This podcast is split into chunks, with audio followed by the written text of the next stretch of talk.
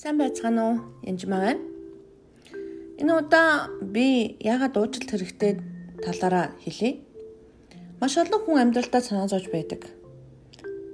Санаа зовх шалтгаан нь ирээдүйдээ санаа зовж болно. Би хинтээ суух аа, яаж амьдрах вэ? Мөнгөтэй болох уу, машинтай болох уу, байшинтай болох уу, ажил төрөл мань яах вүлээ? Эхнэр хүүхэд нь яах вүлээ? Ажлаа алдчихвал яах вүлээ? Гэх мэтчлээ одоо корона ковид тус чинь яах вэ гэх мэт л. Энэ бол том ачаа. Нөгөө талдаа ямар ачаа хүн үрдэг вэ гэхээр өнгөрсөн амьдралынхаа хамаг асуудлуудыг үүсэр байдаг. Тэр эхлээд уучлалт сураагүй хүн бол ачаагаа хайж сураагүй гэсэн үг. Иесус Христэд итгэх үед би ачаагаа Иесуст өгцөө гэж ярьдаг ч хүн байдаг. Миний бүх ачаа ачаа ачаа ачааллыг Иесус авцсан би хөнгөн явдаг гэж хэлдэг. Гэтэл ингээ харахаар тэр хүн хөнгөн яваагүй байдаг. Өөрөө ачаагаа барьж, үүрж, чирчээд ачаагаа өгцөн л гэж ярьдаг. Тэр ихний ээлжинд ачаагаа өгөх ихний асуудал бол уучлал байгаа. Тэр энэ нэг ишлэгийг та бүхэнд уншиж өгье. Матай 11:28 зүдэж зүтгэгсэд хийгээд хүнд ачаа үүрсэн бүгдээ над дээр ир би таныг та нарыг амраая. Буулгыг минь өөрсөд дээрээ ав. Надаас сур. Би дүлгүүн зүрхэндээ дарав. Та нар сэтгэлдээ амралтыг олох болно. Буулга минь аятаа ачаа минь хөнгөн гив. Энэ ишлийг хүмүүс уншаад дандаа миний ачааг Иесус авсан гэж ярьдаг. Гэтэл тийм биш. Харин миний буулгыг ав гэж хэлж байгаа. Буулгыг минь өөрсдөө ав гэж хэлж байгаа. Харин ч эсрэгээрээ Иесусийн буулгыг авч байгаа. Иесусийн буулгыг авна гэж юу гэсэн үг юм бэ гэхээр нэгдүгээрх нь нэг буулганд орсон хоёр амьтан жил өхөр байлаа гэж бодоход хамт ажилладаг ба. Ачаагаа үйлцдэг ба. Хоёрдугаарх нь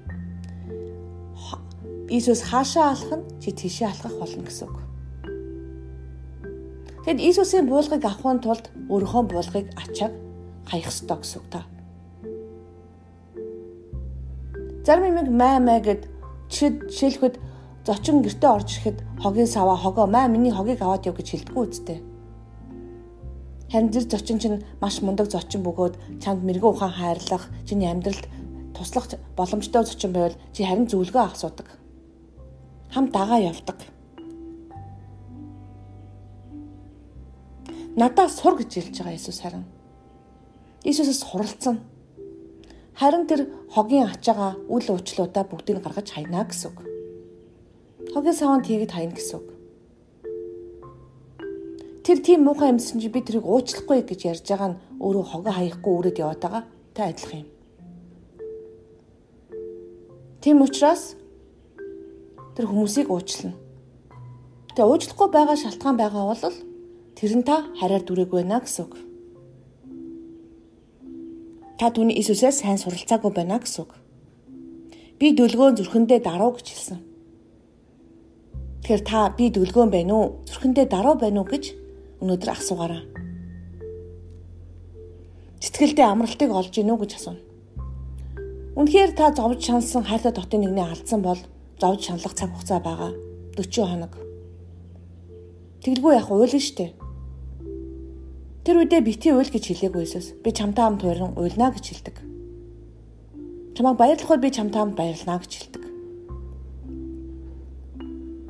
Харин энэ бол жирийн үедээ хүмүүсийг уучлахгүй байх тухай ярьж байгаа. Хүмүүсийг уучлаад сурчвал ачаа бараагаа өгсөн гэсэн үг. Хэрвээ ачаа бараагаа өгч сурсан хүл хүн бол дахиж нэмж ачаа авахгүй. Нэгсэндээ ирээдүйдээ санаа зовх нь багасна гэсэн үг. Дараачийн удаа ирээдүйдээ санаа зовх талаар ямар ямар алхам хийвэл илүү санаа зовхгүй байх вэ? Талаар илүү дэлгэрэнгүй ярьж өгье. Тэгэхээр өнөөдрийн ишлэл бол дахиад уншиж өгье. Зүдэж зүтгэсэд хийгээд хүнд ачаа үүрсэн бүгдээ над дээр ир.